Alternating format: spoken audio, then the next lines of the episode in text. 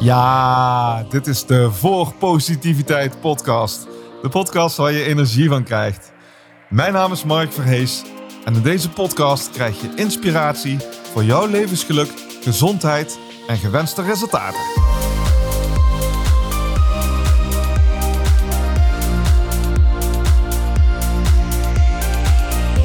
Voor positiviteit,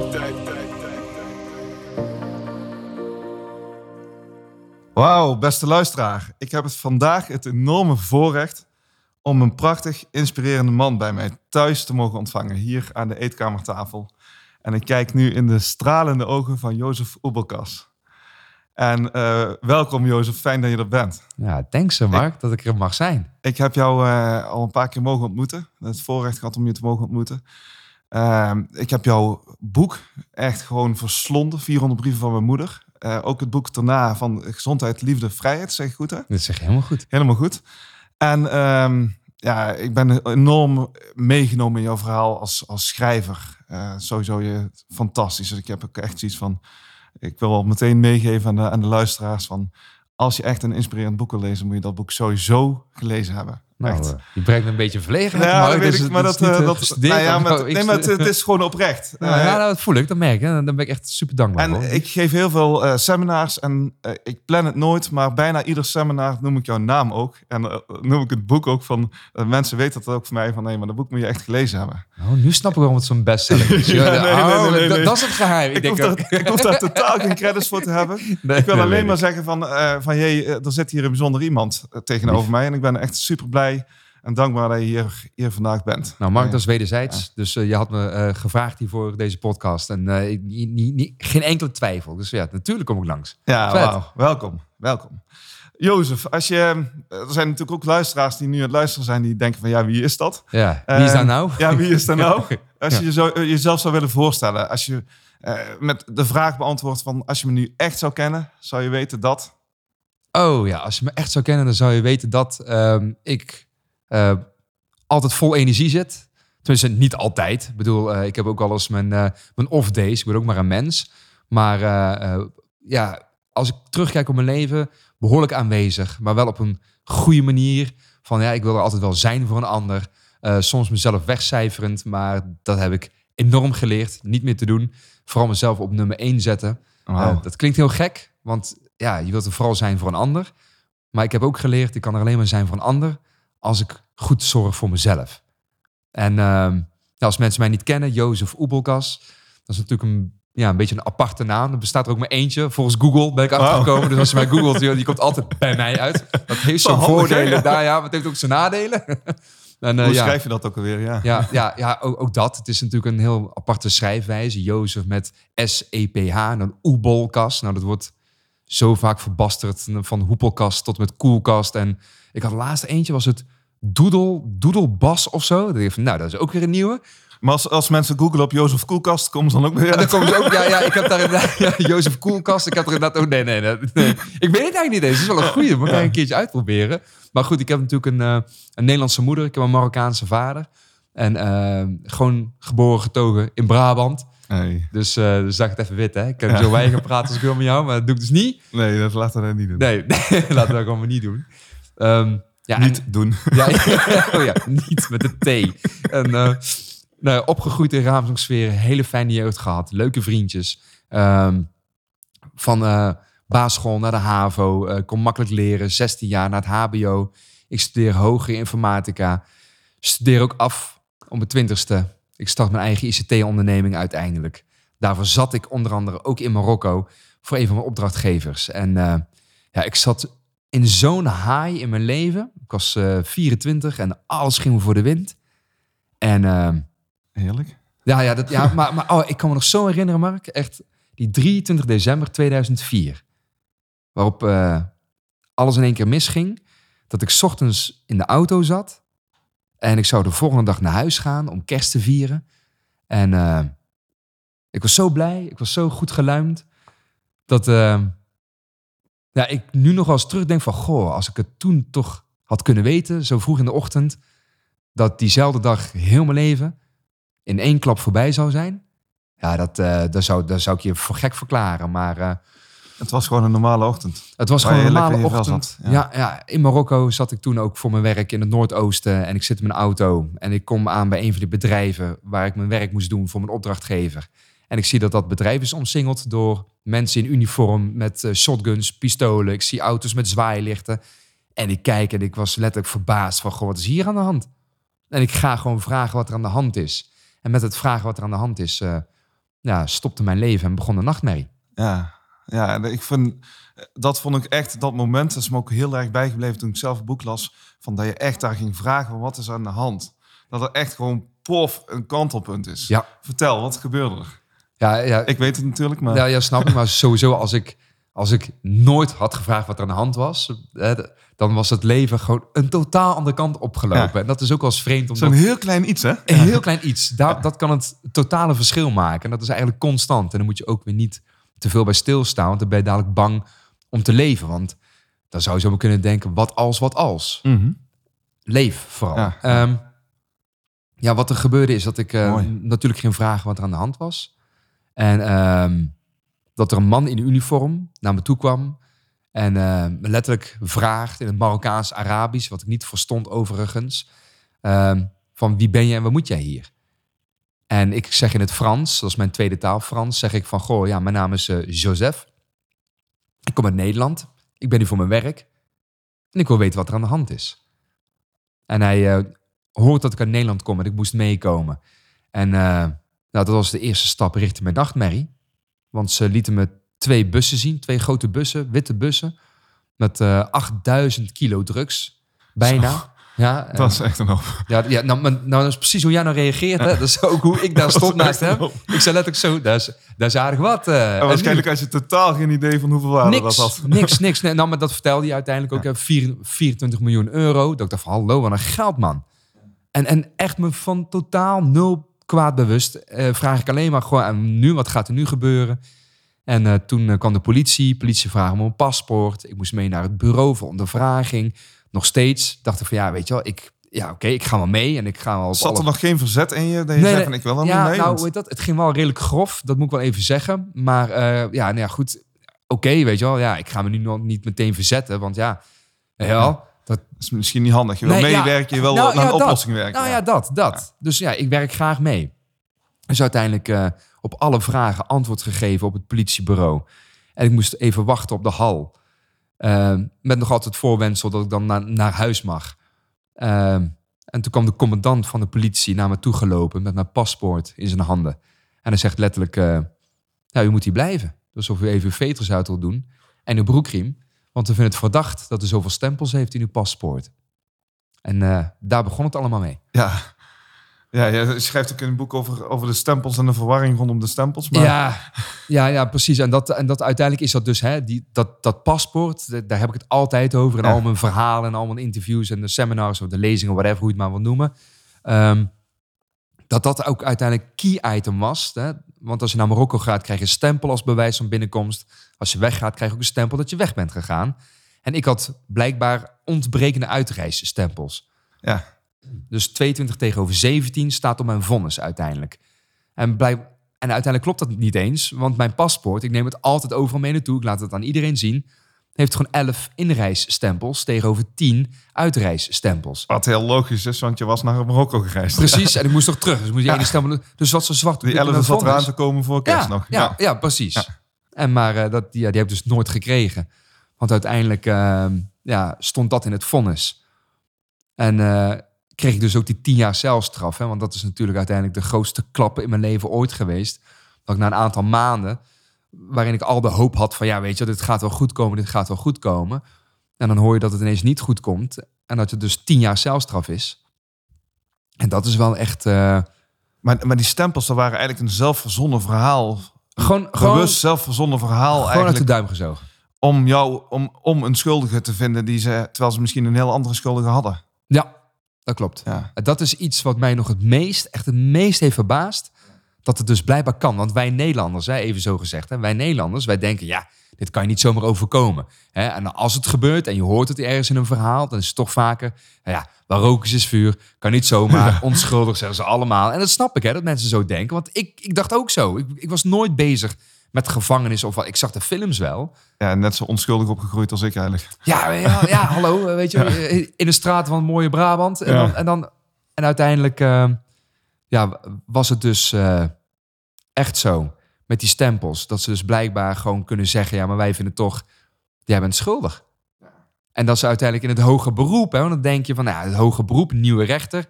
Sterker nog, Nederland gaat zich er zelfs mee bemoeien.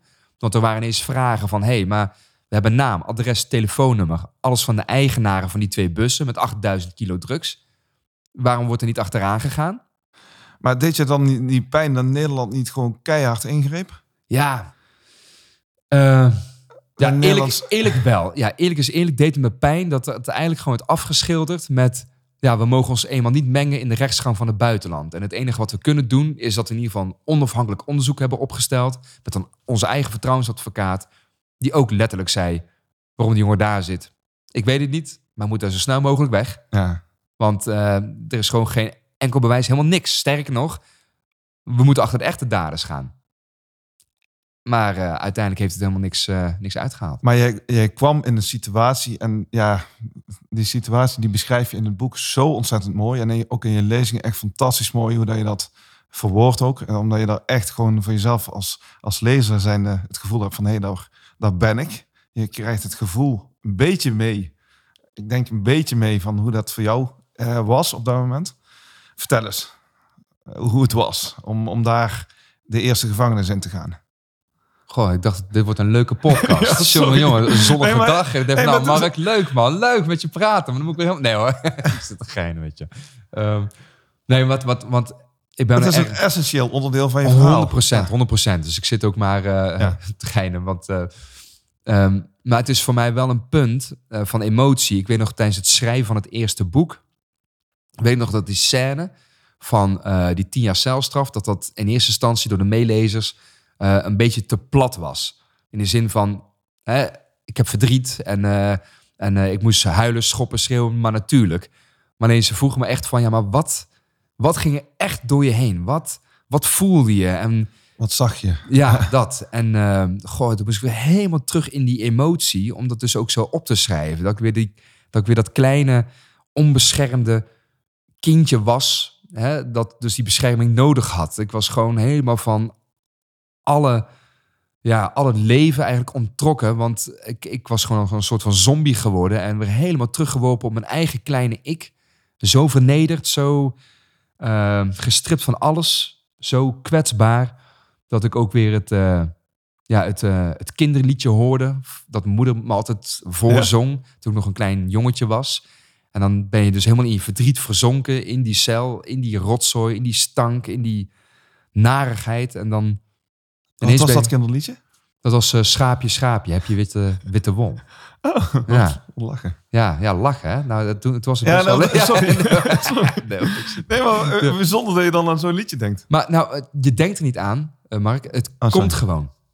Dus dat kwam terug. Dus het is niet zo van, nou ja, waar ga ik eens aan denken? Nee, op Mhm. een of andere manier zit je zo in verdriet, ben je zo gezonken, dat dat soort diepe herinneringen, vooral uit je jeugd, en dan in mijn geval gelukkig dan een fijne jeugd, hè, Ja. opgegroeid in liefde, moet je nagaan als je dat dus niet hebt. Ja. Want er zijn, ik weet zeker ook luisteraars, die gewoon niet kunnen zeggen, oh, ik heb echt een fijne jeugd gehad. Want als je dat dan niet hebt, hè, dan is dat al een hele wankele basis. Hè? Ja, absoluut. dat betekent- Veel moeilijker. Precies. En dat betekent niet dat, dat ja. En dat betekent niet dat het niet kan. Hè. Je kunt altijd groeien naar iets moois, maar dan, het, het kan moeilijker zijn, zeker. Maar ik werd daar, daar dus helemaal naar teruggeworpen. En eh, ja, ik weet nog de eerste keer die gevangenis in. Mijn presentaties laat ik altijd eh, foto's zien van hoe het daaruit zag. Maar ik wist niet dat die wereld bestond. Dus je hoort er wel eens van, of dat ga, aan de zijlijn, dan denk ik van, oh heftig, maar dan ga je gewoon verder met je leven. Maar toen ik daar als 24-jarig bang klein vogeltje werd tussengesmeten, tussen al die jongens met lange haar en, en, en eh, littekens in het gezicht, halve tanden, die namen cysten. En ik denk echt, ja, ik word hier dadelijk vermoord, verkracht, in elkaar geslagen, weet ik veel.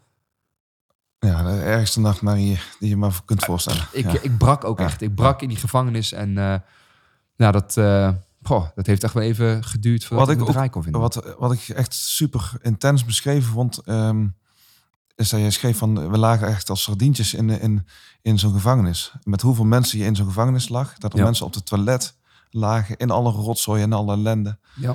Echt bizarre omstandigheden. Nee, Ja. Ik denk van ja, ja, je kunt je dat niet voorstellen. Je kunt je dat echt niet voorstellen. is ook heel moeilijk. En eh, daarom dat ik ook die foto's laat zien. Ja. En, en, en voor de luisteraars nu, hè, je kunt gewoon googlen. Ja. Hè, eh, Google vooral eh, gevangenis Mar- Marokko en Google op afbeeldingen. En dan zie je de plaatjes, zeg ik altijd. En dan wil ik wel even benadrukken.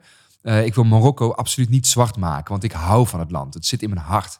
De stad van mijn vader Marrakesh, de bergen, de cultuur, het eten, de mensen. Ik, ik hou er nog steeds van. Dus wat mij helaas overkomen in Marokko, het land van mijn vader, kan in zoveel andere landen, zeg ik wel eens. Hè.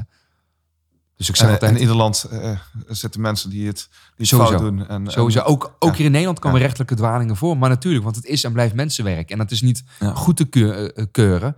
Maar, ja, maar het gebeurt helaas. Ja. Ja, ja en eh, je hebt dan in zo'n situatie gezeten. En ja, wat ik en eh, ja, mijn moeder heeft het boek ook gelezen. Wil ik het daar nog even, ook even met je over hebben.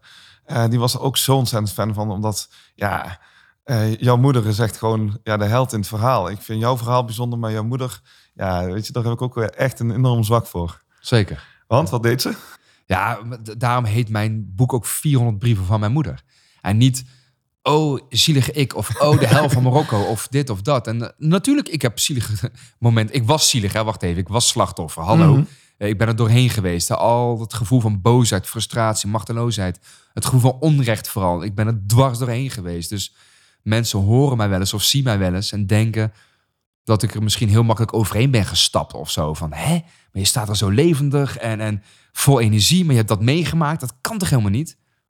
En dan wil ik juist laten zien, het kan wel. Ja, Maar hoe dat komt, het is vooral een van die dingen, omdat ik me ook ging realiseren wat ik nu wel heb. Wie ik nu wel heb. Ja. Ik heb gelukkig zo'n moeder. Jij hebt nog steeds die moeder, want Ja. ze is dan misschien niet meer lijfelijk aanwezig. ja maar zeker, ze, zeker. we hebben het over haar. Ik zie haar foto hier staan in je mooie eetkamer. Ik bedoel, voor mij is ze er. En voor jou zal ze er altijd blijven. In mijn hart zit ze sowieso. En dan mijn 100 gedachten. procent. Het is alleen het enige nadeel is, en dat heb ik met meerdere mensen die eh, dus hun ouders niet meer hebben. Hè, een moeder of een vader of allebei niet meer. Dat raakt me dan wel eens. Je kunt niet meer gewoon even bellen. Of je kunt niet even een appje sturen. Of dat gaat niet meer. Eh, het grappige is, ik kan nog steeds hele gesprekken met haar voeren. Ja, ja, Ik weet precies hoe ze reageert. Ik ja, kan er ja, zo ja, goed. dat is mooi. Ja, Ja. ja. ja, maar dat, en dat is heel mooi om, om dat zo inderdaad eh, ja, te doen. Ja, en ik vind het ook heel fijn. Ik vind het fijn als ze in me leeft. Ja, mooi. En, En, daar zoek ik op. en iedereen gaat er ook op een eigen manier mee om. En eh, dat is aan Maar, jou. maar wat wel mooi is, want ehm, ik kan me best... Jij zit hier tegenover mij en ik ken je ook als een bijzonder energieke, positieve, enthousiaste, warme man.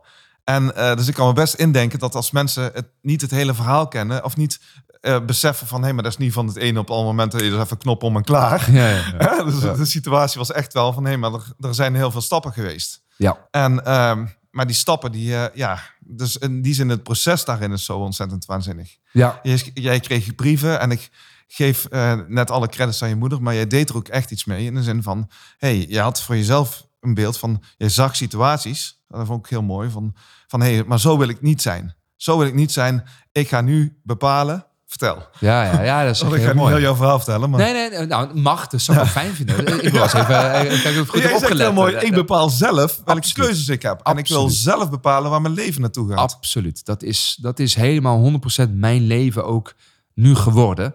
En dat is wat ik zo graag, daarom deel ik mijn verhaal ook zo graag. Want ik wil de individu, ik wil jou, ik wil die luisteraar. Ik wil weer zo graag de kracht teruggeven als je het gevoel hebt dat je het niet meer in, in charge bent. Ja. En dan zeg ik altijd dat je bent niet meer in charge, om- omdat je het hebt weggegeven. Jij hebt het weggegeven. Het is niet van je afgepakt. Nee, jij hebt het weggegeven. En heel veel mensen voelen dat het is allemaal afgepakt en, en, en het is me aangedaan. En dat klopt, hè? Want Ja, ik kan erover meepraten. Hallo, het is me ook aangedaan. Ik heb niet om Ja. gevraagd als ze mij tien jaar celstraf gaven. Nee, hallo, ik heb daar echt wel even tijd voor nodig gehad om dus weer in charge te komen. Maar dat werd ook die keuze. En nou, die 400 brief van mijn moeder, die voedde mij natuurlijk daarin. En zij schreef mij, verzorg jezelf heel erg goed. Dat dat dat eerste stapje werd richting het overwinnen van het harde leven daar, is dat ik heel erg bewust in mezelf mag keren. En dan ook heel goed voor mezelf ga zorgen. Dus wat jij net zo mooi zegt, hè, ik zie dingen in mijn omgeving Ik zag daar jongens met drie halve tanden. En ik dacht van, aha, dus het gevangenissysteem is erop gericht om jou naar huis te laten gaan met drie halve tanden. Dat gaat niet gebeuren en dat bepaal ik. Dus uiteindelijk was het toegestaan dat ik spullen vanuit Nederland kreeg toe, toegestuurd. Hè, mondspoelwater, flosdraad, tandpasta, tandenborstels. Dat ik heel bewust met uh, mijn tanden bezig was. En, en dat is dan, uh, het lijkt zo'n klein begin, maar op dat moment is het een heel groot begin. Absoluut. Ja, en dat die, is alles. Ja, dat en het alles. feit dat je daarmee in de slag ging, is denk ik, heeft je leven veranderd. Ja, en uh, wat ik ook altijd wil uitleggen, uh, want mensen die, die, die willen hè, doelen bepalen, hè, dat, is, dat is heel mooi. Maar ze willen dan vaak ook alle doelen in die ene dag stoppen. Ja. Proppen. ja. En dan zeg ik wel eens, mijn enige doel was binnen de gevangenis in die dag alleen maar dat ik mijn tanden goed verzorgde. Dat was mijn enige doel. En voor de rest, hoe ik daar de dag doorkwam, ja, dat was gewoon wat het was. Maar alleen ik leefde naar het moment toe. In de ochtend heel bewust met mijn tanden. In de middag heel bewust met mijn tanden. In de avond heel bewust met mijn tanden. En het tussendoor was gewoon een leven nemen zoals het was. En dat was niet altijd even fijn. Natuurlijk niet. Maar alleen, het was wel even wat het is. Ja. En, en dat zijn die stapjes. Heel klein. Waardoor ik uiteindelijk dat tandenpoetsen, dat dat heel... Ja, dat het gewoon onderdeel werd van mijn systeem. En dat, dat beetje bij beetje uiteindelijk ook ruimte creëerde om de volgende stap te nemen. Ja. Je was eigenlijk het toe aan het werken naar een nieuwe werkelijkheid. Ja, en dat ging eigenlijk heel automatisch. Dus het was niet echt een strategie. Nee. Oké, okay, oké, okay, ga nu tanden poetsen en dan het tweede, tweede doel wordt... Nee, dat, dat maar, ging maar dat, heel geleidelijk. dat zeg je ook zo mooi. Van eigenlijk, we zijn heel vaak geneigd om een hele goede strategie te bedenken. En een doel te bedenken van, oh, dan moeten deze stappen allemaal gezet worden. Maar jij zegt eigenlijk heel mooi van, nee, maar probeer nou gewoon iets heel kleins, iets dagelijks voor jezelf te gaan doen. Waardoor je in een, in een ritme komt. Ja, en waarbij het grote doel dus wel is, dat je uiteindelijk dus ja, de winnaar bent. Hè? Even, even zo plat gezegd. Want ik wil als winnaar die niet gevangenismuur. Precies. Um, en, en dat neemt niet weg dat je een strategie mag hebben. Dat neemt niet weg dat je richtlijnen mag hebben. Want sommige mensen hebben het ook nodig. Dus doe dat vooral. Maar ik wil ook wel zeggen dat dat niet heilig hoeft te zijn. Dat het ook gewoon kan zijn dat je kunt aanpassen. Of dat het misschien helemaal niet goed was wat je had bedacht. En dat je dan toch een andere kant op gaat. En dat je daar ook voor open blijft staan. Ik denk de keuzes die je daar in, in mindset in maakt, de keuzes voor jezelf, met, met het doel waar je hebt van hé, hey, maar ik wil hier met gezonde tanden de gevangenis ja. uitkomen. Dat is echt een heel helder doel. En daar ben je mee in de slag gegaan. Ja. En vervolgens ben je het gaan uitbouwen. Ja. Ja, dat is echt, ik vind het zo waanzinnig mooi. Dat is en je hebt in die tijd, ik, ik vind ik, ik, wil ook niet echt het hele verhaal met je herbeleven in de zin van, van uh, uh, je hebt er een ellendige situatie gehad en alles wat je daar, want dan moeten mensen echt gewoon een boek lezen en dan meegenomen worden in het verhaal. Ik had voor mezelf, eh, ik weet niet of je daar wel eens mensen hebt die, die uh, het verhaal horen van je. Ik had, toen ik het boek las, wist ik helemaal niks van je. Iemand had me aangeraden, lees het boek. En dus ik zat ook de hele tijd in de spanning. Dat is een heel spannend boek. Van, ja, oh, je zit nu tegenover mij, maar ik zat in de spanning van, komt hij eruit? Oh, ja. Komt hij eruit? Gaat hij het redden? Gaat hij het redden? Dus uh, ja, ik wist natuurlijk dat je het geschreven had. Tuurlijk, tuurlijk. Dus ik, ja, ergens, maar ik wist totaal niet of je nou vier of tien jaar in de gevangenis had nee. gezeten en wat er zou gaan gebeuren. Dus ik was echt gewoon helemaal in het moment. En, en ik had ook het voorrecht eigenlijk om een moment mee te maken. Ja, ja, ja, en, maar, ja dat is fijn. En een beetje een, een onderdeel van jouw reis te zijn. Ja.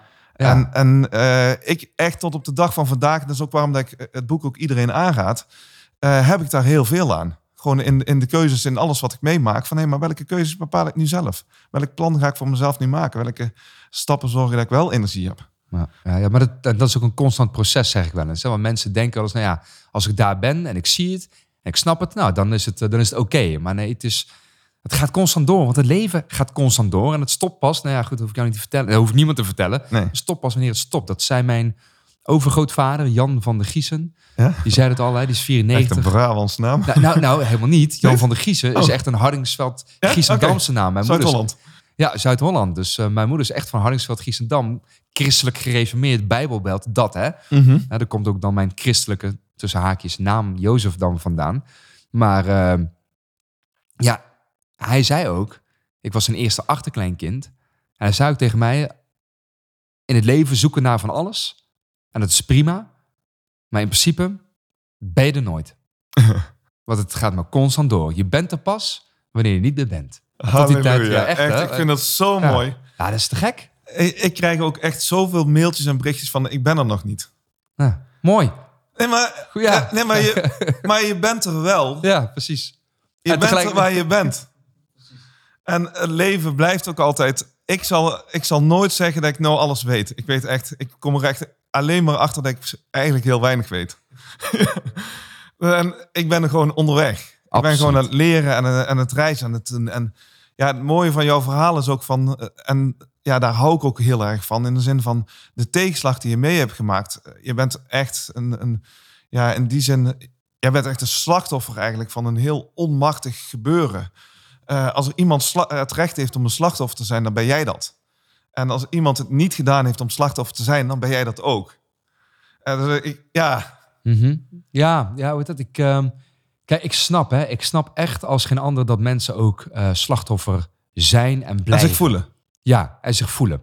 Ehm, En blijven misschien ook Ja, wel, ja. ja. mooi. ik, het, eh, het enige is dat ik het ze gewoon niet gun. Dat is het enige wat ik zeg. Maar alleen ik ga jou niet veranderen. Ik ga niet. Het enige wat ik kan doen is gewoon laten zien dat het ook anders kan. En dat ik dat inzicht jou vooral gun. Maar dat alleen jij de enige bent die dat moet willen zien of mag gaan zien. Maar, maar door jouw insteek, door jouw positieve insteek, heb jij wel heel veel reflectiewerk kunnen doen. Hè? Ik zit ook altijd een beetje op zoek naar het voordeel. Eh, het voordeel dat je daar gevangen hebt gezeten, is dat je ontzettend veel reflectiewerk hebt, eh, hebt kunnen doen. En eh, jezelf hebt kunnen ontwikkelen tot ja, een fenomenaal, prachtig mooi persoon. En nu moet je allemaal ophouden, Mark. Ja, want- nee, maar, want- ja, maar, nee, maar ja, weet je, ik zeg dat niet om, nee, nee, om, nee, dat- weet ik, weet ik, om, om, om jou een ander gevoel te geven. Ik zeg dat gewoon omdat ik dat vind. Ja, ja, dat, Ja. dat weet ik. Dat, dat weet ik wel. Het, punt is, eh, als ik dit dan te horen krijg, dan kom ik weer thuis en dan, en dan, en dan, en dan zweef ik een beetje thuis. Denk ik van, oh, wat fijn, wat een mooi gesprek. En dan is het toch weer mijn, mijn vrouw, die, die houdt heel veel van me. Natuurlijk, die zegt wel, ehm, ja, dat is mooi. Maar de, de, de vaatwasser, die staan nog vol. En eh, de kleine moet nog even eh, eten. En, eh, Ja, oh maar- ja. Maar dat is ook het mooie van je tweede boek wat je geschreven hebt. Is, dan kom je erachter van, nee, daar heb je zoveel geleerd. En dan heb je zoveel aan je werk, zoveel werk aan jezelf gehad. En zoveel aan jezelf gewerkt. Ehm, dan kom je erachter dat je in een nieuwe situatie er nog steeds niet bent. En dat je nog steeds gewoon aan de slag kunt. En dat je weer helemaal opnieuw Ja, moet beginnen. En dat is wel mooi. Ja, dat is mooi dat je dat zegt. Want daar hebben niet heel veel mensen het over. Want sommigen denken inderdaad van... ja, dan heb je daar je hele leven op gebouwd. Binnen die gevangenismuren. Heb je zoveel meegemaakt. En mooi wat je zegt, die, die zelfreflectie. Ik hou van mensen met een goed zelfreflecterend vermogen. Dat zijn er niet heel veel. Laat ik het even wel zeggen. En ik wil niet zeg maar iedereen over één kam scheren.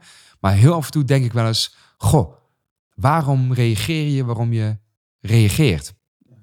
Ik leg altijd uit aan mensen dat alles wat mij overkomt in mijn leven, ik leg letterlijk alles bij mijzelf neer. Bij mij.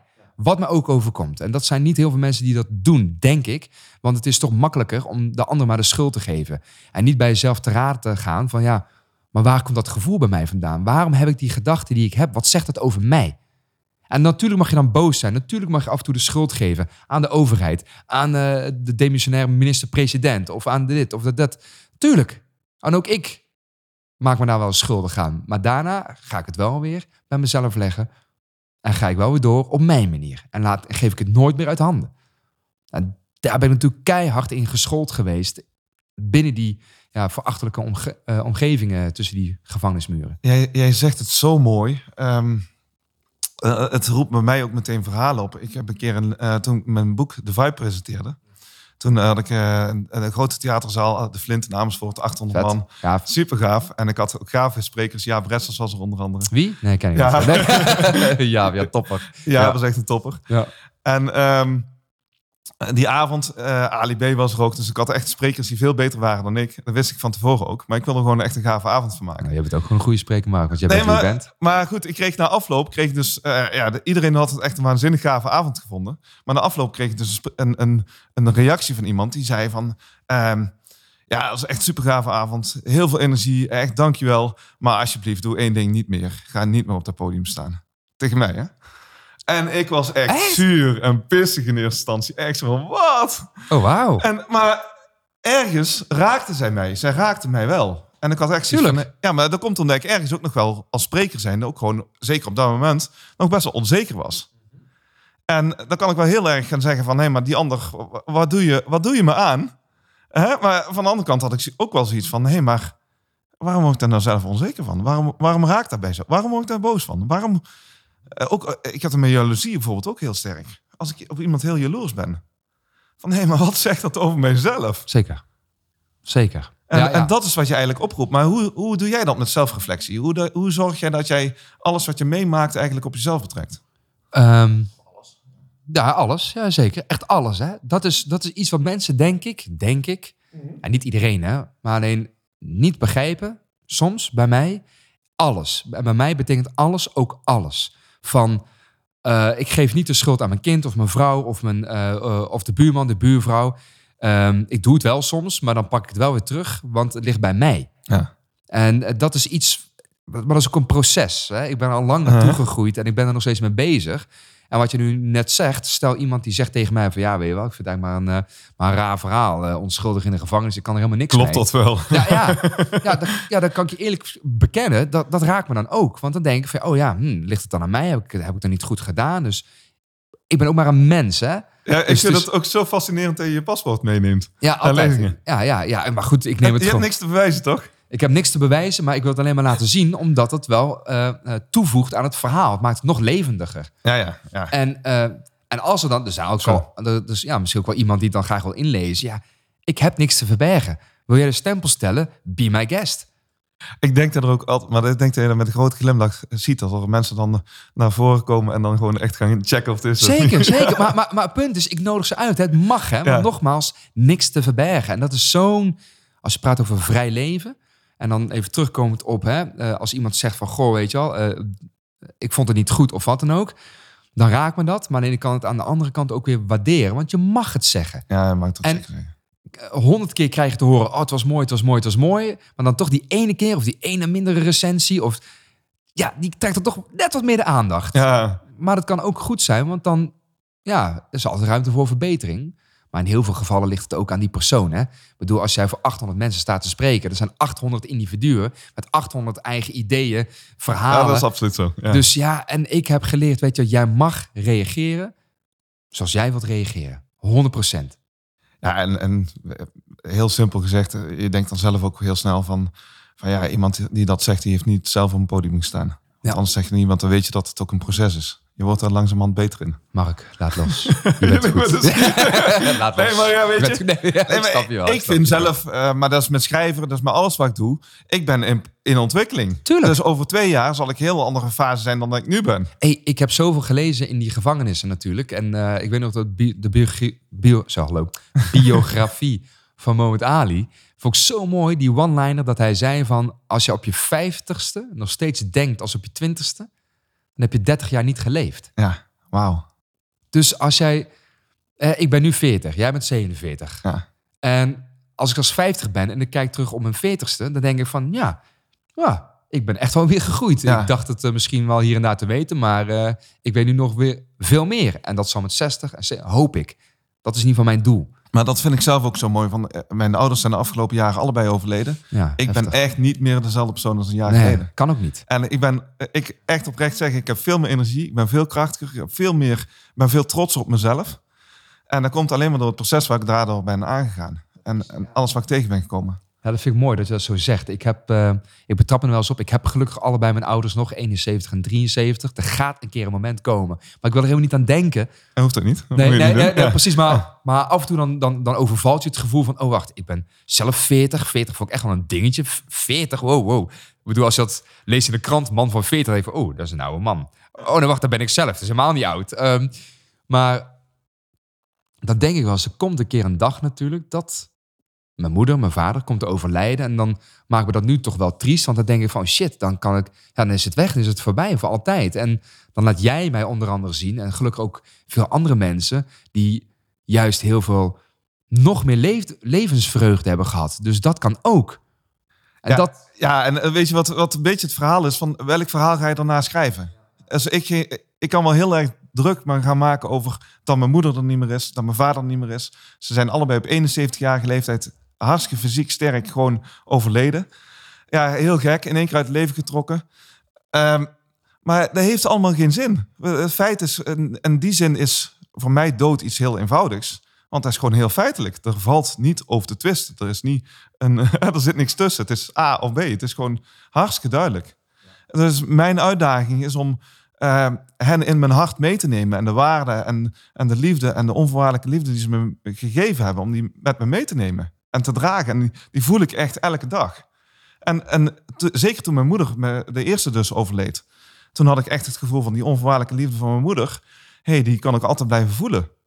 En, eh, en voor mij was dat, na het overlijden, was dat een enorme troost. In de zin van, het is echt veel minder erg dan ik gedacht had. Het is echt heel gek. Zelfs de eerste weken na het overlijden van mijn moeder, eh, ik zat echt op een roze wolk. Echt op een roze wolk. Ik vond het echt, ik had energie en ik praatte met mijn moeder. En, eh, ja, en ik had toen net mijn boek uitgebracht en mijn boek ging echt sky high. En eh, ik zat de hele tijd eh, te geinen met mijn moeder van mam, wat ben je toch allemaal aan het doen daarover? Ja, ja, ja, je bent aan het zorgen dat het boek gelezen wordt. Ja, zeker. zeker. En, en, en dat is natuurlijk ook een soort copingmechanisme. Hè? En, dat is, en dat is alleen maar heel mooi. En iedereen gaat er natuurlijk op een eigen manier mee om. Want de ene die kan het niet op die manier. Ja, ik denk wel dat die dat kan. Daar ben ik wel van overtuigd. Maar die weet even niet hoe, of die ziet niet hoe. Of die heeft geen goede voorbeelden misschien in zijn of haar omgeving. Maar, maar er zijn nu ook met ondernemers die bijvoorbeeld zitten luisteren nu. Die, hebben, eh, die zitten in lockdown. Eh, die kunnen helemaal niks. Eh, wat vertel je tegen ze? Ik bedoel, ze, ze, ze zitten zelf, ze zijn een slachtoffer geworden ergens van, waar ze totaal niks aan kunnen doen. Zeker. Ja, ik, ik heb met een vriend van mij gesproken. Een eigen bedrijf. Die, die heeft drie kinderen.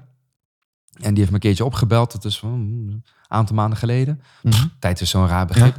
Maar, die, eh, maar die zei van, goh, weet je Jozef, ik, eh, ik vind het echt even zwaar. Zo, wat, eh, ik vraag dan, maar waarom? Ja, zo, waarom? Ja, weet je, het is gewoon even een moeilijke tijd. Zei, Nou, maar, dus, maar waarom heb je het zwaar? Want leg mij uit, hè. Ja, weet je wel, het is toch moeilijk nou en dit en dat en omzet onder druk en weet ik veel wat. allemaal stress. Ik zei, oké, waarom heb jij jouw bedrijf? Dus ik leg alles terug, hè, want ik Wauw. wil dat je over nadenkt. Hè. Dus waarom heb je jouw bedrijf? En dan is het even stil. Hè? Dus ja, ja, ja, ik ben ondernemer. Ik Ja, maar, maar waarom ben je dit begonnen? Nou, omdat ik het leuk vind. Oké, hou dat vast. Omdat, omdat ik het leuk vind. Want blijf het vooral leuk vinden. En vooral in deze tijd, dit is uitdagend, maar blijf het vooral leuk vinden. Maar waarom doe je dit uiteindelijk? En uiteindelijk kwam het erop neer inderdaad dat hij het ook doet, zodat hij er kan zijn voor zijn kinderen en voor zijn gezin. Dat hij een mooi leven neer kan zetten voor ze. Nou, mooi. Maar stel, worst case scenario, je gaat failliet of je door stress of je weet het niet meer, door druk en je gaat failliet. En dan pakken ze alles van je af. En dat gaat tot en met je huis en alles dat je uiteindelijk bij je ouders in de tuin moet gaan zitten in een tent met je drie kinderen. Dat je helemaal berooid bent van alles. Ja. Hè? Dat is even, even worst case scenario. Als jij toch tegen mij zegt dat jij er wilt zijn voor jouw kinderen en voor jouw vrouw, dan ga jij in die tuin, in die tent met die drie kinderen er zo'n groot avontuur van maken dat die kinderen uiteindelijk er later op terug gaan kijken en zeggen: Papa, wat een spannende tijd was dat. Hè? Toen zaten we in de tent en, eh, en, je- en, en, en je was verhaaltjes aan het voorlezen. Dat vonden we zo mooi. Jongen, de tranen kwamen bij me. Zo? Want daar gaat het om. En dat je inderdaad dan even geen huis hebt of wat dan ook. Dat ik weet als geen ander hoe pijnlijk het is dat alles van je wordt afgepakt. Want mijn hele leven was afgepakt destijds. Het was gewoon in de Rock bottom, prullenbak gegooid. ja. Ja. gewoon helemaal alles weg. Maar uiteindelijk heb ik geleerd dat je vanuit daar toch weer iets moois kunt opbouwen. En dat kost pijn en, en het is verdrietig. En als je dan inderdaad het verhaaltje hebt uitgelezen en daar in die tent zit en je hebt het toch even wat kouder, maar je ziet je drie kinderen, maar je moet even een traan wegpinken. Ja, dat is alleen maar heel mooi dat je een traan wegpinkt, want dat maakt je mens. Ja. Dat, hopelijk geeft je dat ook de kracht. Maar die drie kids die daar nou slapen, daar ga ik alles, dan ook alles voor doen. Ja, wauw. En fuck dan heel de crisis en dit en dat. En sorry voor mijn taalgebruik, maar ik wil dan zo diep gaan. Omdat de essentie, we, we verliezen als de essentie uit het oog. Van waarom doen we dit allemaal? Ja, en, en dat vind ik juist het fascinerende. Als, als je dus met dood te maken krijgt. Met mijn pa ook. Mijn pa kreeg te horen dat hij afleesklierkanker had. Hij had eh, nog, eh, moest een maanden denken, zei de dokter meteen. En we hadden meteen zoiets van, hé maar, die maanden die we hebben, die tijd is kostbaar. Die is Precies. heel erg kostbaar. En daar gaan we echt het allerbeste uithalen. En we- wat gingen we doen? Ervaringen. Ervaringen uit het leven delen. Herinneringen ophalen. Eh, verhalen met elkaar delen. Eh, het is echt gewoon een rijk leven. Maar je merkt op een gegeven moment, eh, je pa die dan aan het einde van zijn leven staat, dat het eigenlijk alleen maar gaat over die ervaringen die je zelf hebt opgebouwd. En de verhalen die je zelf gemaakt hebt, initiatieven die je genomen hebt. En mijn pa die zei heel mooi van, ja, ook al kun je op een gegeven moment je plannen niet meer uitvoeren, je moet wel plannen blijven maken. Je moet Absoluut. vooruit blijven denken. Absoluut. En, en dat is wat we altijd doen. En ik heb wel eens ook met een, met een, met een vrouw gesproken. Die, die, die- dat was op een event. kwam naar me toe en die stond voor mij, mooi opgemaakt en wel. En ineens vertelde ze dat ze nog maar- maar een paar weken te leven had. En dan denk ik van, hè? Maar huh? Je ziet er hartstikke mooi uit, ja. Ja, en ik, en ik was echt gewoon verbaasd. Maar ja, die verbaasde blik had ze natuurlijk al vaker gezien. Maar toen zei ze tegen mij, en dat, en dat neem ik ook weer mee. Toen zei ze tegen mij van, ja, maar waarom zou ik hier niet zo staan? Want misschien leef ik wel langer dan jij. Ja. En jij staat hier toch ook gewoon blij te zijn? Ja. ja. Misschien, nou ja, misschien ik langer dan jij. En, en ik denk natuurlijk, ja nee, doe jij nog maar een paar weken. Maar ja, maar het klopt wel hè. Ja. En ik ga nu ook niet denken op dit moment van, oh ja, oh nee, als ik er morgen niet meer ben. Of, eh, en het kan wel een mooie gedachte zijn, van als ik er morgen niet meer ben, waardoor je er vandaag de dag in ieder geval alles uithaalt. Ja. Maar ik ga er niet van uit natuurlijk. En, dat, en, en precies wat jouw vader en hoe jij het met je vader en met je moeder natuurlijk dan gewoon het eh, leven. Pakken zoals het komt. Precies. Ja. Dat en dan gewoon echt het allerbeste van maken. Ja. En, en, en hoe het leven in 2022 eruit ziet. En nu vandaag de dag. Zoveel mensen zitten natuurlijk eh, gevangen tussen haakjes in hun eigen huis. eh, in hun eigen lockdown. Hè? Want heel, heel Ja. dat lockdown. Ja, ik heb natuurlijk heel Slecht woord eigenlijk, hè? Zo'n slecht woord. Dat is echt een slecht woord. Want als je honderd keer lockdown tegen jezelf Ja. zegt, iedere dag, dan heb je al een lockdown gevoel. Ja. Maar wat nou een lockdown? Dat moet je vooral tegen mij zeggen. Ja. Je kunt gewoon naar buiten. Wij zitten hier nu met elkaar. En tuurlijk, er kunnen heel veel dingen niet. Maar mijn focus, dat was ook echt binnen die gevangenis gaan groeien. Mijn focus werd echt, wat kan nu wel? 100%. Wat kan nu wel? Want ik kan me 100% gaan focussen, iedere dag weer, op die 15 meter hoge muren. Met prikkeldraad en tralies. Maar dat gaat me niks brengen. Behalve verdriet en ik ga dan onderdoor. En dat zag ik ook bij medegevangenen. Gaat gewoon niet gebeuren. Ja, die muren en die tralies, die bepalen je niet. Nooit. Niks. Ja, gaaf. Heel bijzonder. Heel bijzonder. Hey, en ehm, jouw tijd is ook veranderd. Ik bedoel, jij mag ook geen lezingen geven. Je geeft echt heel veel, echt hele gave lezingen. Ja. Ja, maar in één keer was het in één keer stop. In maart wel, ja. Ja. Het is, het is echt, ik kan je vertellen, het is echt, echt weer helemaal terug. Ja? Alleen al deze week, de, Online. Ja, ja, online. Ja, nu dan eh, mag ik zo meteen naar een studio toe om te spreken. En dat is de zevende keer deze week. Het is echt, het is bizar. De afgelopen 2,5, 3 maanden is het weer helemaal teruggekomen. En blijkbaar ook online. Hè, dus gewoon één op één eigenlijk. Als ik mensen gewoon aankijk in die lens, in de ogen daarmee ook. Het lijkt net alsof mijn verhaal nog veel meer binnenkomt vandaag de dag. Want mensen snappen mijn verhaal nu nog veel meer. Het resoneert nu nog veel meer Ja, omdat, omdat het gevoel hebben van ja, er wordt jou iets opgelegd. Een avondklok en dit. En je mag niet zo meer je verjaardag vieren. En je moet thuis blijven. En je moet dit en je moet dat. Nu ineens beginnen mensen een beetje te snappen inderdaad. Dat mij ook van alles werd opgelegd. Ja. Maar dat het wel bij mij lag uiteindelijk hoe ik er dus mee omga. En dat betekent niet dat ik de situatie maar goedkeurde. Of dat ik dacht van ja, weet je, die rechters tien jaar. Ah, het is wat het is. Maakt niet uit. Nee, ik heb mijn verdriet ook gehad. Ja, dat mag ook. Ja, maar, Ja. precies, dat mag ook. Maar wij zijn soms wel eens, nou, dat wel eens eh, wordt geleerd door de maatschappij, van dat je vooral niet verdrietig mag zijn. En dan het liefste eroverheen, eromheen. Maar ja, dat hoef je ook niet te vertellen. Ja, maar dat, nou, je hoeft mij niet te vertellen omdat je me kent. Maar eh, het beeld wat mensen die mij niet kennen Oh ja, heel ja. vaak hebben is van... oh, dat is weer zo'n positiviteits Ja, eh. Oh. Eh, dat woord gebruik ik zelf al niet eens. Nee, natuurlijk niet. En ehm, ja, die Nee. moet, alles moet positief zijn. Ik zeg, nee, maar dan zijn, sommige dingen zijn negatief... en dan moet je vooral niet positief willen maken. Nee, Als iets slecht is of als je je, je rot voelt omdat je in een lock eh, thuis zit... ja, ja, ja, precies. Ja, Eh, ja, weet je, dat mag ook. ja. mag ook. zeker. Maar weet dat pas verandert op het moment dat je zelf eh, gaat zoeken naar wat jij zo mooi zegt van wat, dan, wat is dan wel. Ik heb gehoord dat jij ehm, in de wandelgangen vernomen dat jij bezig bent met een nieuw boek. ja, maar een derde boek, ja. Ja, wauw. Wil je er iets over vertellen? Oh ja hoor, Ehm, want het is echt het... eh, ik moet wel zeggen, sinds de geboorte van mijn zoontje... ik was al bezig met het derde boek. Toen was eigenlijk, eh, had het leven bepaald dat, eh, nou, dat wij een, een kindje kregen in ons, in ons leven. Ja, het is echt, het is echt Mark. Dat is, het klinkt al zo cliché, maar het is echt een geluksbrengertje. Zo, ja... Ja, het is gewoon niet uit te leggen. Laat ik het zo zeggen. Het is gewoon onvoorwaardelijke liefde. Die laadjes zijn open gegaan. En dat heeft weer heel veel extra vreugde gebracht. En daarmee is het derde boek wel, heeft wel voor mij persoonlijk diepere lagen Ja. gekregen. Want ineens heb ik het gevoel van, hé, hey, ik doe dit niet meer zomaar voor mezelf of voor iemand anders, maar ik doe het vooral voor hem. Wat het mooiste wat ik hem kan meegeven is mijn eigen geluk.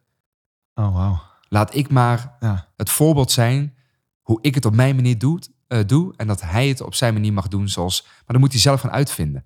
De eerste keer dat ik hem in mijn armen had, hè, je hoort al altijd de verhalen hè, van huilende vaders en dit. Ik, ik, heb, ik heb geen traan gelaten, eh, maar ik voelde me overdonderd door geluk. En ik had dat manneke in mijn armen en ik dacht alleen maar, jij bent zo niet van mij.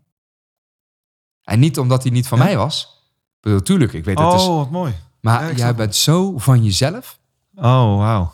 Jij bent zo een eigen identiteit, entiteit, mensen op deze aarde. En jij moet het helemaal zelf gaan doen. En het enige wat ik kan doen, is wat ik nou doe, is jou gewoon dragen wanneer je het nodig hebt. Maar voor de rest, it's up to you. Wauw, wauw. Ik had het niet, ik had het, ja, ik had het ook niet verwacht. Want dat is ook ineens een gevoel waar je dan niet, dat kun je niet voorstellen. Ja, weet je, je probeert je een voorstelling te maken, maar dat kan helemaal niet. En dat gevoel, dat gaf me ook zoveel rust. Dat ik dacht van, ja, weet je, het, het is goed zo. Zo moet het zijn, voor mij. Ik wil het boek nu al lezen. Ja, ja, is ja. het klaar? ja, ja ik, ik heb geen idee. Nee, ik heb ja, geen dat- idee. Ik heb, ja, ja, dat was ook met die eerste twee boeken. Heb ik zo vaak eh, de, de vraag. Ja. En, en wanneer? Ik heb, het, het is wanneer het er is. Ja, En nee, is maar dat is ook helemaal ja, en je weet hoe dat gaat met het schrijven. Ik, ik heb geen deadline. Het, eh, het komt wanneer voor mij het gevoel is... Dit is goed zo. Zo Wat- is het. Wat ik echt eh, heel bijzonder vind. is, eh, Ik heb het gevoel, ik heb je al heel vaak, of meerdere keren gezien. En elke keer zit er een fase tussen. En nu heb ik hier het gevoel, eh, wat jij heel mooi beschrijft, van nee, er zit een, een nog diepere laag in je verhaal. Ja. En dan vind ik echt, toen, ik had er net al wel echt gewoon kippenvel toen je het over dat waarom begon. En nu heb, ik- krijg ik weer kippenvel op het moment dat je het over je zoon en, en hoe dat je dat beschrijft. En, en zo niet van mij. Ja. Echt waanzinnig mooi. Echt. Ja, weet je, dus ik vind het ja, een geschenk bent. En ik denk ook, ik, ik snap ook helemaal dat jij, dat jouw boodschap eh, gewoon nu ontzettend nodig is. Ja, ja, nodig voor de mensen die het nodig hebben, zeg ik altijd. Want ik wil niks opleggen. Ik wil niet mezelf... Weet je wel, luister vooral maar naar mij. Want uiteindelijk, daar gaat heel mijn verhaal over... bepaal jij wat jij wilt zien. En waar je op in wilt gaan. En dat is voor de een werkt dit, voor de ander werkt eh, dat. Maar ik gun wel Maar- mensen het inzicht dat je in ieder geval iets hebt of iets ziet... waardoor je wel een soort van doel of uitzicht... of in ieder geval dat je er niet in blijft hangen. Ja. Of dat je niet uit frustratie inderdaad ineens allemaal eh, eh, ruiten gaat inslaan en gooien en dit en dat. Verzet helpt ja, ja, nee, uiteindelijk niet. En, en ik, ik snap het wel, want het is iets heel menselijk. Hè? Dus ik heb het allemaal aangekeken destijds. En denk van, goh, wat is het triest en heftig. Maar tegelijkertijd, ik begrijp het ook nog eens. Ik keur het niet goed, absoluut niet. Maar ik begrijp het wel. Vanuit menselijk antropologisch standpunt, even zo gezegd. Ja, omdat het gewoon hele herkenbare menselijke emoties Precies, die je zelf precies. allemaal ervaart. Ja. Maar dat betekent niet dat het zomaar mag, hè? Hey. Dat is ook een keuze. Dat is Ja. echt een keuze. Ja. Ja. Maar eh, eh, dus in die zin is het alleen maar heel erg mooi om dat te kunnen geven. Wat ik heel, eh, ehm, heel bijzonder vind, je vertelt gewoon je persoonlijke verhaal, maar je vertelt niet omdat jij nou belangrijk vindt van kijk mij nou. Helemaal nee, je niet. vertelt het verhaal voor een ander. En het is ook als ik naar jou luister, eh, luister ik ook vanuit mijn perspectief. Dus ik, ik heb daar nu ook gewoon weer heel veel aan zelf. En ik weet ook, dat, ik voel ook aan alles dat je het vertelt voor mij. Oh, grappig. Oh, Ja, dat vind ik echt ja, gewoon waanzinnig mooi. En ik vind het ook heel belangrijk. Ik hou er zelf ook heel erg van om mijn eigen verhaal te vertellen. En ik doe dat ook niet voor mezelf. Ik doe dat niet om, kijk mij nou. Want ik doe dat gewoon, ik wil mijn eigen leven leiden. Precies. En ik wil ook dat, ja, dus, dat zeg je zo mooi. Van, ik, jij wilt met je zoon ook gewoon van, hey, doe, ga je eigen gang. Doe je ding. Ja, doe maar je ja, eigen ik, ding. ik hoop dat je gelukkig wordt. Dat is Ja. het enige. En voor de rest, hoe of wat, dat is niet aan mij. We hadden het net over ehm, het woord lockdown. Dat is een slecht woord dus. Ik hou heel erg van positieve woorden, natuurlijk. En ik wil je eigenlijk heel graag even een boekje geven. En ik wil je uitdagen om gewoon even een willekeurige pagina open te pakken. Is van een boekje van eh, een fantastisch mooi boekje. Vul je batterij met positiviteit van eh vriendin van mij, Sonja Kimpen, een Belgische. En eh, gewoon een willekeurige pagina. Staan, op iedere pagina staan zes woorden. Om die zes woorden even voor te lezen. En er één woord uit te pakken wat, waar je op, op dit moment bij resoneert. Oké, dit gaat over... eh, Of is het een... eh, Nee, gewoon eventjes een, oh, zo. ja, zo, ja. Even kijken. een willekeurige pagina. Gewoon een willekeurige Eh, pagina? Even zoiets. Oké, zoiets. Ergens in het midden. Oh ja, dan ga ik zo verder. Even kijken. Oeh, dat, eh, echt hè. Verzoenen, alleg, rechtvaardigheid. Nou, rechtvaardigheid moet je vooral mee, mee aankomen bij me. Mildheid, blijdschap, jij. Oké. Ik, eh, Welke woord raakt je het meest nu? ik denk jij. Ja, ik vind die andere hele mooie woorden ook natuurlijk. Hè. Blijdschap, mildheid, verzoenen, alleg, rechtvaardigheid. Maar jij, dat, eh, ja, dat springt er bij mij wel uit. Want dit is uiteindelijk waar het leven om gaat. Om jou. Jij hebt jouw leven. Jouw vrouw, jouw partner, jouw man, jouw, maakt niet uit wie, heeft ook zijn of haar eigen leven. Mijn kind heeft zijn eigen leven. Ehm, en dat is. Ik vind het zo interessant. Ik wil altijd weten. Dat was zelfs bij de grootste criminelen met wie ik heb geleefd tussen die muren. Ik wilde altijd weten: wat is jouw verhaal? Want dat maakt wie jij bent uiteindelijk. En we hebben allemaal een verhaal. Dat is de ultieme verbinding binnen de gehele mensheid. Dat is al van oudsheid, vanuit de ho- holbewoners met eh kampvuren, het delen van verhalen. Wat is jouw verhaal? Echt oprecht geïnteresseerd. En ik ga er niet over oordelen. Ook bij die grootste criminelen niet. En tuurlijk, ik kun niet goed dat iemand een dubbele moord had begaan. Tuurlijk niet. Maar dat weet die persoon in de meeste gevallen ook wel. Dat dat, dat, dat niet goed was. Maar dat het toch gebeurd was in een emotionele opwelling. Of whatever. En misschien wel op basis van de hele historie die ze hadden. Ja. Maar dat is het, hè. Je hoort verhalen. En als ik dan gasten tegenover me zie, onder de littekens, tatoeages. Dat je echt denkt van, wow, wat een, wat een, wat een aanzicht. Maar dat ik ze ook vroeg van, joh, toen je toch twaalf was. Een, een manneke, Ja. spelend in de straten. Wat, wat, is er gebeurd in je leven, man? Want dit was niet jouw droombeeld, neem Nee. ik aan. En dan komen ineens die verhalen. En dan komt er ook een stukje begrip. En dan komt de verbinding. En dat is volgens mij, voor mij persoonlijk echt de ultieme sleutel naar, ja, weet ik veel, wereldvrede. Laten we daar maar meteen even ja, eh, over hebben. Want Ja. in plaats van het maar bij jezelf te houden, of je eigen wereldbeeld op te leggen, hè, wat zoveel gebeurt hè, in de polarisatie in de maatschappij. Nee, je Ja. moet het zo zien. Ja, nee. Je bent voor of tegen, wat? Ja, ja, ik bedoel, dus jij vindt dat iemand anders het moet zien zoals jij, maar daarmee maak je tegelijkertijd die ander, die wil het ook. Die, die denkt hetzelfde als Ja. jij, hè? Ja, ja absoluut. Want die wil ook dat jij het ziet zoals hij. Ja, Of ben je nou gek geworden? Ja, dus, dus ehm, eh, je wilt in principe hetzelfde, alleen op een andere manier, maar eigenlijk wel allemaal hetzelfde. ja. En, eh, ja, dus eh, jij, het woordje jij springt er bij mij echt wel uit, want eh, daar gaat het om. Het gaat ik om vind het fantastisch hoe je ook gewoon op basis van zes woorden gewoon echt gewoon een waanzinnig mooi, echt essentieel verhaal vertelt op, op basis van een boekje waar je gewoon openslaat. Willekeurig eh opengeslagen. Ik heb erover nagedacht. Ik heb erover nagedacht. ja, dat Ik kon heb- niet. Dat Ik heb, kon eh, niet. ik heb jaren, ik heb jaren, jaren. Nee, maar je denkt ja. natuurlijk over het leven na. Dus ja, je hebt Ja, erover zeker. nagedacht. Ja, omdat ja. je over leven nadenkt. Dat is zelfreflectie. En ook constant. komt omdat Ja. je over leven nagedacht hebt. Ja, tenminste constant. Ik denk niet constant over leven na. Ik bedoel, ik heb ook wel eens gewoon lekker mindless eh, Netflix, bep, dat je dan gewoon even... Want dat is ook fijn, hè? Eventjes gewoon, dat je hersenen even ja, zo goed als uitstaan. Dat heb je ook nodig, hè? Maar ik, eh, ik ben wel echt, echt bezig. Ik ben, eh, ja, goed, het woordje alert stond er ook tussen. Ja. Maar dat, maar dat vind ik leuk. Ik zie het niet als een opgave. En heel veel mensen, tussen niet heel veel mensen, maar er zijn mensen die het als een opgave zien om maar de hersenen te gebruiken. Want dat kost ook energie. Maar het kost ook energie om die energie lekker te hebben. Om maar te zeuren of te klagen van ja, dit dat. En je mag dat, van mij dat zeuren kost klagen. veel meer energie. Dat, ja. Ja. ja. ja, Maar, maar het is wel vaak een makkelijke uitvlucht. Want dat betekent, ja, ik kan er niks aan doen. Nee, het ligt niet aan mij. Nee, het ligt zeker aan die persoon. Dus, nou, ja. Maar eh, dat, die boodschap vertellen voor jezelf kost jezelf energie. En dat is ook als je kritiek geeft aan iemand. Ik zeg ook altijd van, hij geeft jezelf, dat, dat kost jezelf energie. Op het moment dat je heel erg veel kritiek levert op iemand anders, waarom zou je dat doen? Nou ja, Eh, Je mag gewoon oprecht iemand iets anders, eh, iets anders zeggen. ja. Maar eh, kijk voor jezelf van, hé, maar wat heeft het over mezelf te zeggen? Dat sowieso. Dat sowieso. En dan, nogmaals, dat betekent niet dat je geen kritiek mag hebben. Dat betekent niet dat je echt wel even gewoon mag laten weten aan de ander hoe jij het ziet. hè? Mhm. Dat is ook, dat is gewoon prima. Maar alleen, dat is het dan ook. Ja. Verwacht niet dat iemand anders iets anders gaat doen.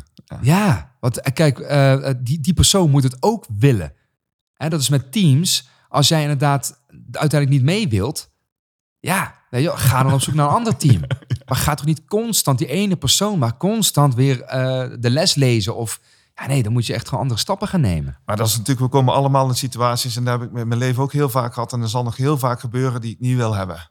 Eh kom ook met mensen te, te maken die ik echt gewoon denk van, nou weet je, alsjeblieft ga weg. Maar Ja. eigenlijk is dat, nee, maar, ja, maar eigenlijk is dat voor je, jezelf dan mee tekort. Want eigenlijk is veel meer de uitdaging van, hé, maar wat kan ik ervan leren? Hoe kan ik er, wat jij zo mooi zegt met jij, hoe kan ik naar je luisteren? Hoe Ja. kan ik wel een verbinding maken? Ja. ja, dat is wat ik persoonlijk echt heb geleerd. En nogmaals, ik dacht dat alle mensen in de gevangenis, dat zijn, dat zijn criminelen, slechte mensen, noem het maar op. Nou, ik heb geleerd, het overgrote deel is gewoon niet slecht. Er zijn wel slechte dingen gedaan, Maar de meeste mensen weten dat van zichzelf. En de verbinding aangaan, echt de ultieme verbinding nogmaals, is echt gewoon openstaan van oké, maar hoe, hoe zie jij het dan? Gewoon oordeelloos. Maar vertel mij het dan. Vertel mij het nou eens. In plaats van dat ik allemaal mijn, mijn visie op wil leggen. Nee, pff, weet je wel, wat nou mijn visie? Eh, mijn visie is maar een visie. en, en het werkt wel voor mij uiteindelijk. En dat wil ik wel graag delen. Dat zeg ik altijd. Ik wil alleen maar laten zien. Ik wil me niet op de borst kloppen van kijk mij, ik heb het echt goed voor Nee, elkaar. ben je helemaal Nee, niet. ik, ik heb het goed voor elkaar. Hè. Laat het wel. Hè. Maar, ja, maar ik heb het gewoon goed voor elkaar. Ik ga het niet onder, eh, onder stoel of banken steken. Ja. Nou, ik ben er niet alleen trots op. Ik wil vooral laten zien dat het dus blijkbaar kan. Dat je het goed voor elkaar kunt hebben. Uit echt het donkerste van het donkere van het leven. Ik kwam thuis helemaal berooid en wel. Geen ene rode rotcent. Schulden. eh, Je krijgt aanmaningen. Je hebt nergens recht op. Geen schadevergoeding. Geen uitkering. Niet dat ik dat nou hoefde. Maar je hebt er blijkbaar geen recht op. Maar uiteindelijk ging mijn focus dus naar, maar wat wil ik? En inderdaad, met die 400 brieven van mijn moeder. Ik moet iets doen met die brieven van mijn moeder. Die staan het te roepen naar mij in mijn kleine kamertje, liggen ze op een hele stapel. Daar moet ik iets mee doen, niet gewoon laten liggen. En dus dat wordt mijn doel in mijn leven. Ik ga dat boek schrijven, alles op alles. Wat wil jij, dat is mijn slotvraag, wat wil jij dat aan het einde van je leven over je gezegd wordt? Wat wil je, of eh, wat voor conclusie wil je aan het einde van je leven zelf getrokken hebben? Denk je erover na? Eh, ik denk erover na, maar wat over mij wordt gezegd, om heel eerlijk te zijn, ja, dat ga ik echt gewoon loslaten. Want ik Mhm. ben er toch niet meer. Mensen zoeken me lekker uit, maar Ja? wat je over me zegt, joh, ik ben, ik ben er toch niet meer. Ehm, maar het zou, ik bedoel, ik heb Daarom was waarschijnlijk die vraag er bij mij al elke voelde me aankomen. Ja, ja, ja, Welke ja, conclusie trek Ja. je zelf? zelf inderdaad. nou, kijk, wat ik, wat ik nu gewoon persoonlijk al merk en wat ik echt wonderlijk vind aan boeken, en dat heb jij natuurlijk ook met jouw boeken, eh, boeken zijn voor altijd. Ja. Ik heb eh, boeken gelezen in de gevangenis, van eh, Viktor Frankl tot met Martin Gray, noem het maar op. Wat een helden zijn dat Ja. ook. En ehm, die mensen leven niet meer, maar ze leven nog steeds. Ja. En dat geeft mij op een of andere manier gewoon een bepaald soort, ik weet niet, blijdschap en troost. Dat mocht ik er een keer niet meer zijn. Nee, ik ben er een keer niet meer. Punt. Eh, dat die boeken er dan nog wel zullen zijn. Ik weet niet of ze dan heel veel worden gelezen. Daar ben ik ook helemaal niet mee bezig. Maar ze zullen er nog zijn. En daarmee dan eventueel van betekenis kunnen zijn alsnog voor een ander. Ja, dat is gewoon gaaf. Dat is wel mijn roeping. Ja. Ja, wauw. En dan ook de gedachte van de boeken, daar ben ik helemaal mee eens. En deze podcast, die zal er dan, als we op het moment dat we de wereld horen ze die zal er dan ook nog zijn. Dus ze kunnen ze naar jou luisteren en jouw energie voelen. En dat, eh, ja, dat is ook gewoon waanzinnig gaaf. Ik zou zeggen, heel erg hartelijk dank voor het waanzinnig mooie gesprek. Lees de boeken van, van Jozef in ieder geval. En eh, als je de kans hebt, ga een keer naar een lezing van hem. Of boek hem voor een lezing. En dan zeg ik het niet om, om, omdat ik dat naar jou toe verplicht ben. Dan zeg ik echt gewoon omdat ik dat zelf vind. En gewoon daarmee de wereld ook voor mijn gevoel mooier wordt. Dankjewel in ieder geval voor je bent. En dankjewel voor je komst, eh, Jozef. Graag gedaan, eh, beste man. Wauw. Dankjewel voor het luisteren naar de Voor Positiviteit podcast. Ben je geïnspireerd door deze aflevering en wil je nog meer positiviteit in jouw leven? Ga dan naar voorpositiviteit.nl slash spreuk van de dag en je krijgt elke dag de beste positieve spreuk gratis in je mailbox. Abonneer je natuurlijk ook even op deze podcast via je favoriete podcast app. Elke keer als er dan een nieuwe aflevering voor je klaar staat, krijg je automatisch een berichtje. Persoonlijk vind ik het altijd gaaf om van jou als luisteraar te horen hoe deze aflevering je geraakt heeft. Heb je een bepaald inzicht gekregen? Of wil je graag iets delen over deze aflevering? Laat dan alsjeblieft een reactie achter op voorpositiviteit.nl/slash podcast. Nogmaals, hartelijk dank voor het luisteren en graag tot de volgende keer.